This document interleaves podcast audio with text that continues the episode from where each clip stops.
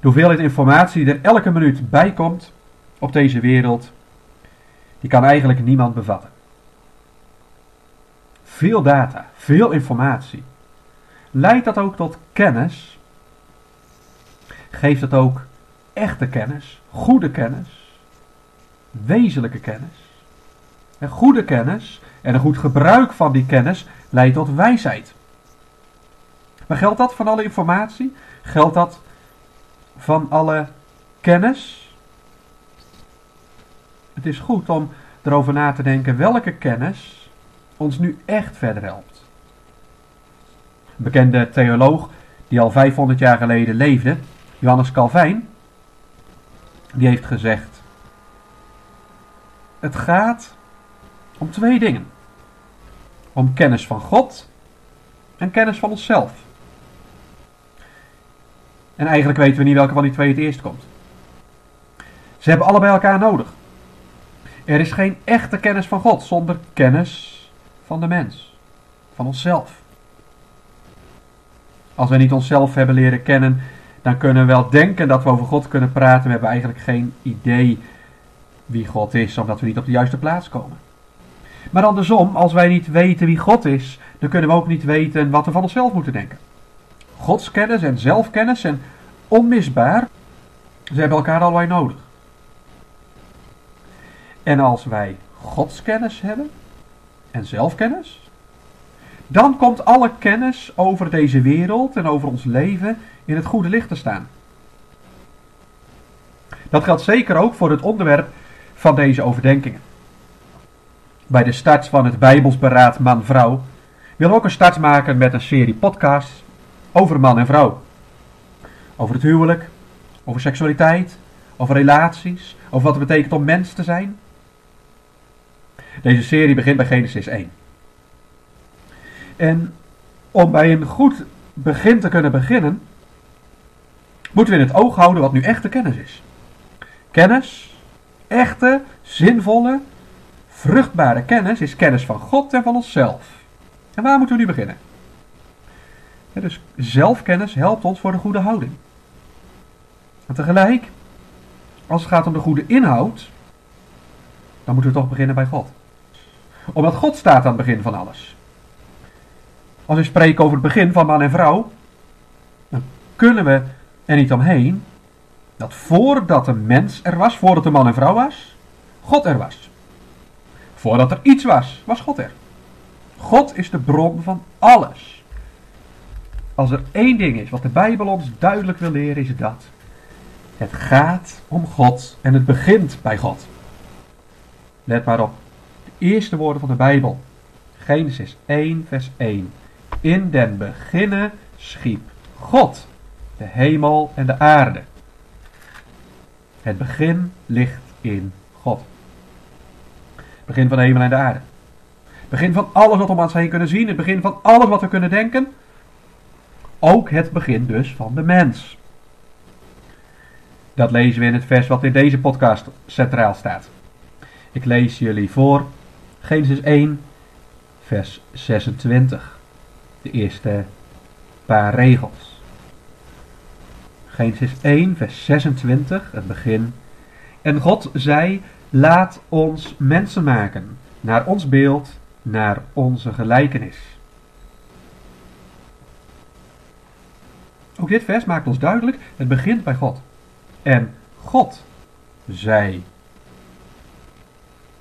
Als God niet gesproken had, waren wij er niet geweest. Als God niet begonnen was, konden wij nooit beginnen. En God zei. Wat zei God? God sprak over zijn voornemen om mensen te maken. Dit vers staat aan het einde van de geschiedenis van de schepping van hemel en aarde. De dagen daarvoor, de rest van wat wij kunnen zien van de hele wereld, van het heelal, van de invulling, alle dieren en planten. En zo was heel de schepping als het ware klaar, ingericht om de mens te ontvangen. En dan komt het grote ogenblik. Het heerlijkste moment van die schepping. Een moment dat door God bijzonder apart wordt gezet. Let nog maar eens goed op. Als je dit vers vergelijkt met de versen hiervoor, dan zie je dat God een bijzondere aandacht geeft aan de schepping van de mens. In de versie hiervoor staat er: God zei, nou bijvoorbeeld vers 3, daar zij licht. En daar was licht. Dus God begon te spreken en per direct of deed hij het ook. God zei, daar zij licht. En per direct was er licht. Maar hier, in vers 26, komt er eigenlijk iets tussen. Mag ik het zo zeggen? Een pas op de plaats. Een beraadslaging. God zei, laat ons mensen maken. En dan vers 26 is een lang vers, wordt uitvoerig verteld wat God voor plaats aan die mens geeft. En dan pas staat er in vers 27, en God schiep de mens. Dus voordat God de mens ging scheppen, ging God over de mens spreken. Daarmee geeft hij aan dat een mens een bijzondere plaats heeft. Daarom zeggen we wel, de mens is de kroon op Gods schepping. Als wij genoemd worden de kroon op de schepping, moet ons niet verheffen boven de schepping. Moeten wij dat niet doen? Wij moeten ons altijd stellen onder de schepper. Maar God geeft ons een bijzondere plaats. God ziet ons als heel afzonderlijk neergezet. Het is zijn bedoeling om zijn heerlijkheid juist in de mens te tonen. Dat wordt duidelijk niet alleen in het feit dat hij er eerst als het ware over overlegt, maar ook hoe dat dan gaat. God zei: Laat ons mensen maken. Wie wordt nou bedoeld met ons? Nou, u begrijpt, het kan niet zo zijn dat hij overleg voert met een mens, want hij was geen mens. En wij moeten wat dat betreft maar niet een te grote broek aantrekken. Alsof wij ook onze inbreng hebben. En God heeft ons gemaakt. En niet wij. Als hij staat, laat ons mensen maken, dan betekent dat ook niet dat God overlegt met de engelen. Want nergens wordt de schepping van de mens aan de engelen toegewezen. Ze waren er wel bij, maar ze hebben niet meegedaan. En als we in vers 27 kijken, dan staat er God schiep de mens naar zijn beeld. Naar het beeld van God schiep hij hem. Dus dat ons wijst op God. En het is niet een majesteitsmeervoud.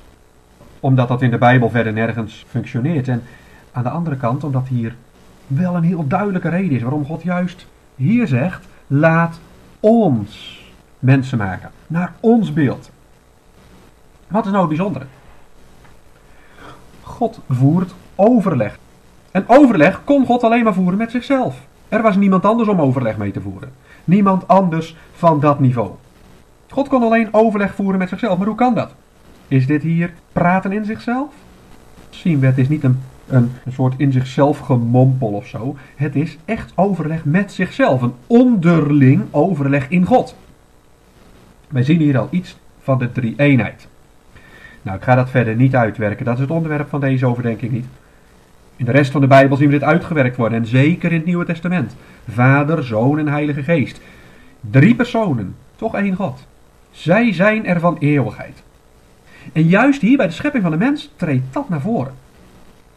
En dat laat zien hoe kostbaar de schepping van de mens is. God wil juist in de mens iets van zijn drie-eenheid zichtbaar maken. In de mens zichtbaar maken? Als die drie-eenheid in God ligt, heeft het iets met ons te maken? Ja, juist als we naar dit vers kijken, laat ons mensen maken naar ons beeld, naar onze gelijkenis. Die woorden, beeld en gelijkenis, dat komt aan de orde in de overdenking bij vers 27. Maar ik wijs nu alleen even hierop, hè, dat in deze woorden ligt dat de mens iets weg heeft van God. Op een bepaalde manier heeft de mens iets wat hij specifiek van God gekregen heeft, wat God alleen in de mens neerlegt. Niet in een of ander dier. In elk geval op dit punt heeft de mens iets weg van God.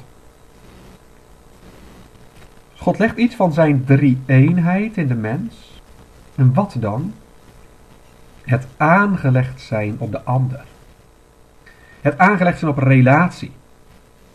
Later in de Bijbel staan er heel diepe woorden. God is liefde. Een andere grote theoloog, Augustinus, die heeft heel diep over die woorden nagedacht. En gezegd, die woorden God is liefde, die laten ook zien dat God drie enig is. Want liefde is een relatie. Liefde is gerichtheid op de ander. En als God van alle eeuwigheid liefde is, dat betekent dat God zichzelf lief moeten hebben. Dat drie personen elkaar lief moeten hebben. Want er was niemand anders en niets anders om lief te hebben in de eeuwigheid. God is liefde. De Vader en de Zoon en de Heilige Geest zijn op elkaar gericht. En juist dat legt God nu in de mens. Laat ons mensen maken naar ons beeld. Juist in dit opzicht naar Gods beeld. Wat is dat een kostbare gedachte. De mens is erop aangelegd om in relatie te staan. Om lief te hebben. Om verbonden te zijn. Om verenigd te zijn. Met God vooral. Een mens is nog geen half mens buiten God. Ja, ten diepste een verloren mens. Wij mensen zijn bedoeld om God boven alles lief te hebben. Maar we zijn ook ervoor bedoeld om elkaar lief te hebben. We zijn van meet af aan geschapen om een relatie te hebben. God heeft de mens geschapen als een relationeel wezen. Meer dan alle zoogdieren, meer dan alle vogels, meer dan alle, welke dieren ook maar. Maar die zijn niet geschapen in relatie. Een mens wel. Dat maakt het zo kostbaar.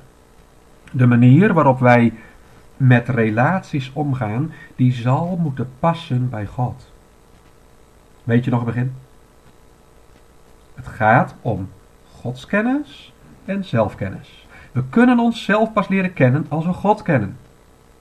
We kunnen pas over onszelf goed nadenken als wij leren luisteren naar God. We kunnen dus ook pas goed weten wat voor relaties goed zijn als wij op God gericht zijn. Dat is belangrijk. Wij denken over het huwelijk, over seksualiteit, over vriendschap, over alleenstaanden. Over welke vorm van vriendschap, liefde, verbondenheid, intimiteit dan ook. Laten we altijd ons afvragen: past dit bij wie God is? En wat is het dan een rijkdom als we geplaatst worden in een relatie die past bij God? En als wij leren de liefde te beoefenen zoals die past bij God. Wij kunnen niet echt lief hebben als we God vergeten. Als we onszelf van God losweken. Als onze eigen gang gaan. Er wordt zoveel gepraat over liefde zonder die diepe afhankelijkheid. Zonder een besef van wie God is. En dan, vroeg of laat, loopt het spaak. Ook liefde waar je vanuit menselijk perspectief waardering voor kunt hebben. Daar moet je van zeggen, die loopt dood. Als ze niet gespiegeld is aan God. Bijbels beraad man-vrouw. Dat is waar deze overdenking een onderdeel van is. Bijbels beraad. Dat wil zeggen, het begint bij God. Eerst God, dan man en vrouw op hun plaats. En van harte hoop ik dat wij liefde mogen kennen in het huwelijk en rondom het huwelijk. Dat we liefde mogen kennen die past bij de liefde die in God is. Die eeuwige liefde. En die liefde die God uit wil delen. Zoals hij dat op de meest wonderlijke manier gedaan heeft door zijn zoon te geven. Maar de liefde die hij ook uit wil delen in het huwelijk. De liefde die hij ook uit wil delen in de kerk. Die liefde die hij ook uit wil delen in vriendschappen.